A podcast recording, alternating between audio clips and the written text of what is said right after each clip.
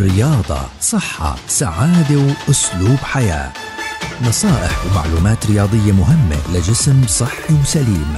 تسمعوها يوميا عبر أثير أجيال مع الكوتش. مجدي الرابي مدرب الرياضة المحترف. مع الكوتش بودكاست من أجيال.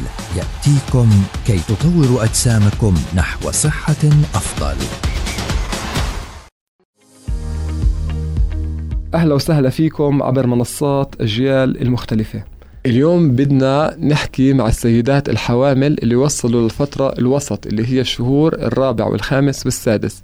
بدنا نحكي عن ممارسة التمارين الرياضية بهاي الفترة.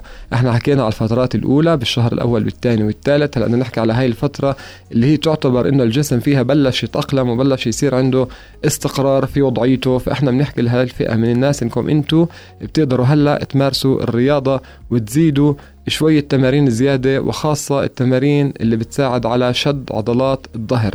عضلات الظهر جدا مهمة ركز عليها بهاي الفترة لأنه إحنا عندنا رح يصير في ضغط كبير من خلال وزن الجنين اللي راح يزيد وهلأ بصير عندنا الوزن عماله بيزيد فراح يصير الضغط كبير على هاي المنطقة فإحنا نركز على تمارين عضلات الظهر بس.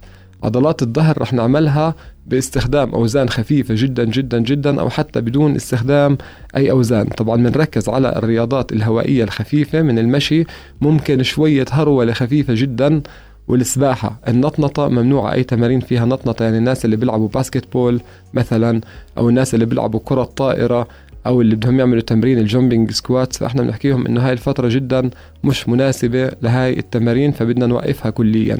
والأهم من هيك مثل ما بنحكي دايما المتابعة مع الطبيب أو الطبيب المختصين واللي متابعين حالتنا للمحافظة على صحة الجنين.